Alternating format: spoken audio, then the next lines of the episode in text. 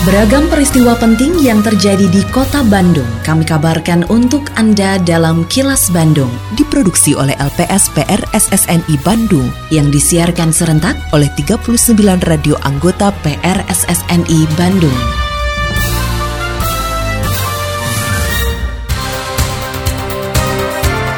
Sejumlah informasi aktual kami hadirkan untuk Anda dan inilah informasi utamanya. Yana Mulyana dilantik sebagai wali kota Bandung. Sekda Kota Bandung siap kawal program wali kota. Bus tak layak jalan dan tak layak operasi akan ditahan izinnya. Saya, Santika Sari Sumantri, inilah kilas Bandung selengkapnya.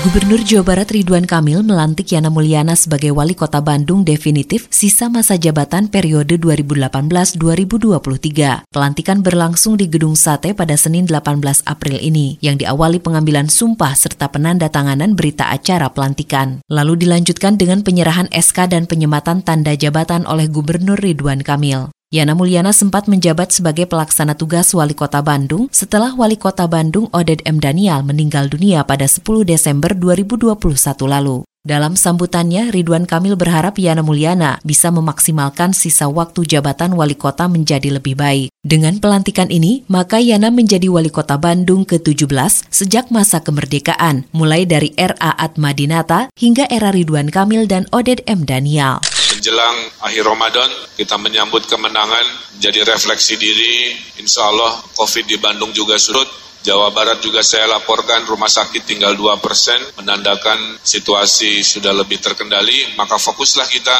pada kebangkitan ekonomi, khususnya kota Bandung harus jadi leading. Banyak beberapa catatan terkait indeks-indeks yang harus diperbaiki, tentulah nanti kita bahas di hal-hal uh, teknis. Sekali lagi teriring doa dari saya, mudah-mudahan Pak Yana bisa melewati dan memaksimalkan sisa waktu jabatan menjadi sangat luar biasa. Yana Mulyana mulai hari ini resmi menjabat sebagai wali kota Bandung definitif setelah dilantik Gubernur Jawa Barat Ridwan Kamil di Gedung Sate pada Senin 18 April 2022 ini. Yana akan menghabiskan sisa masa jabatan sebagai wali kota Bandung hingga akhir tahun 2023 mendatang. Usai dilantik sebagai wali kota Bandung, Yana mengatakan di sisa masa jabatannya akan menyelesaikan berbagai program prioritas dan pemulihan ekonomi pasca pandemi. Insya Allah kita akan selesaikan flyover Popo, kemudian mudah-mudahan kami juga bisa segera membuka gerbang tol kilometer 149, mudah-mudahan kita juga bisa mendorong underpass Cibiru, kemudian mudah-mudahan kami juga terus melakukan pembicaraan dengan pemerintah pusat PUPera untuk juga flyover Kiara Condong Buah Batu. Kemudian kami juga dengan pemerintah pusat terus membicarakan mengenai transportasi publik berbasis kereta. Mudah-mudahan ini bisa segera direalisasikan karena pembicaraan dengan berbagai pihak sudah intens kami lakukan.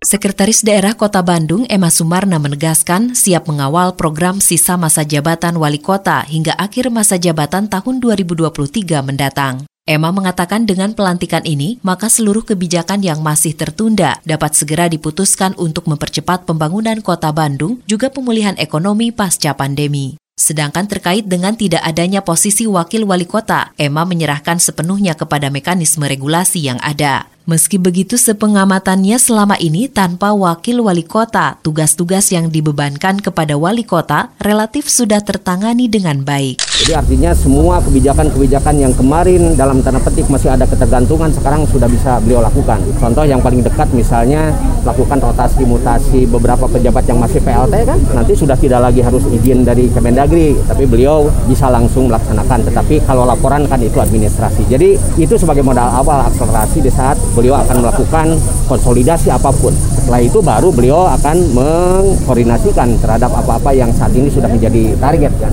di bidang pembangunan tadi penekanan beliau kan di bidang infrastruktur. Ini kan tentunya kami catat betul supaya ini nanti bisa menjadi trigger bagi akselerasi pembangunan yang lain terutama recovery atau pemulihan ekonomi yang saat ini menjadi super prioritas kita bersama. Assalamualaikum warahmatullahi wabarakatuh. Sampurasun. Saya Kenny Dewi Kaniasari, Kepala Dinas Kebudayaan dan Pariwisata Kota Bandung, menginformasikan kepada Mitra Pariwisata Kota Bandung bahwa berdasarkan Peraturan Wali Kota Bandung Nomor 33 Tahun 2022 tentang pemberlakuan pembatasan kegiatan masyarakat level 2 Coronavirus Disease di Kota Bandung. Untuk restoran, rumah makan, kafe, waktu operasional mulai pukul 6 sampai dengan pukul 22. Selama bulan Ramadan, tanggal 1 April 2022 sampai 4 Mei 2022, waktu operasional layanan drive-thru untuk restoran dapat buka selama 24 jam. Pelaksanaan kegiatan restoran, rumah makan, dan kafe yang berada di area terbuka maupun di pusat perbelanjaan atau mall dapat melayani makan di tempat atau dine-in dengan ketentuan paling banyak 75% dan waktu waktu makan paling lama 60 menit. Ayo mitra pariwisata, bersama-sama kita wajib melaksanakan protokol kesehatan, pencegahan, dan pengendalian penyebaran COVID-19 secara ketat, konsisten, dan disiplin. Iklan layanan masyarakat ini dipersembahkan oleh Dinas Kebudayaan dan Pariwisata Kota Bandung. Kini, audio podcast siaran Kilas Bandung dan berbagai informasi menarik lainnya bisa Anda akses di laman kilasbandungnews.com.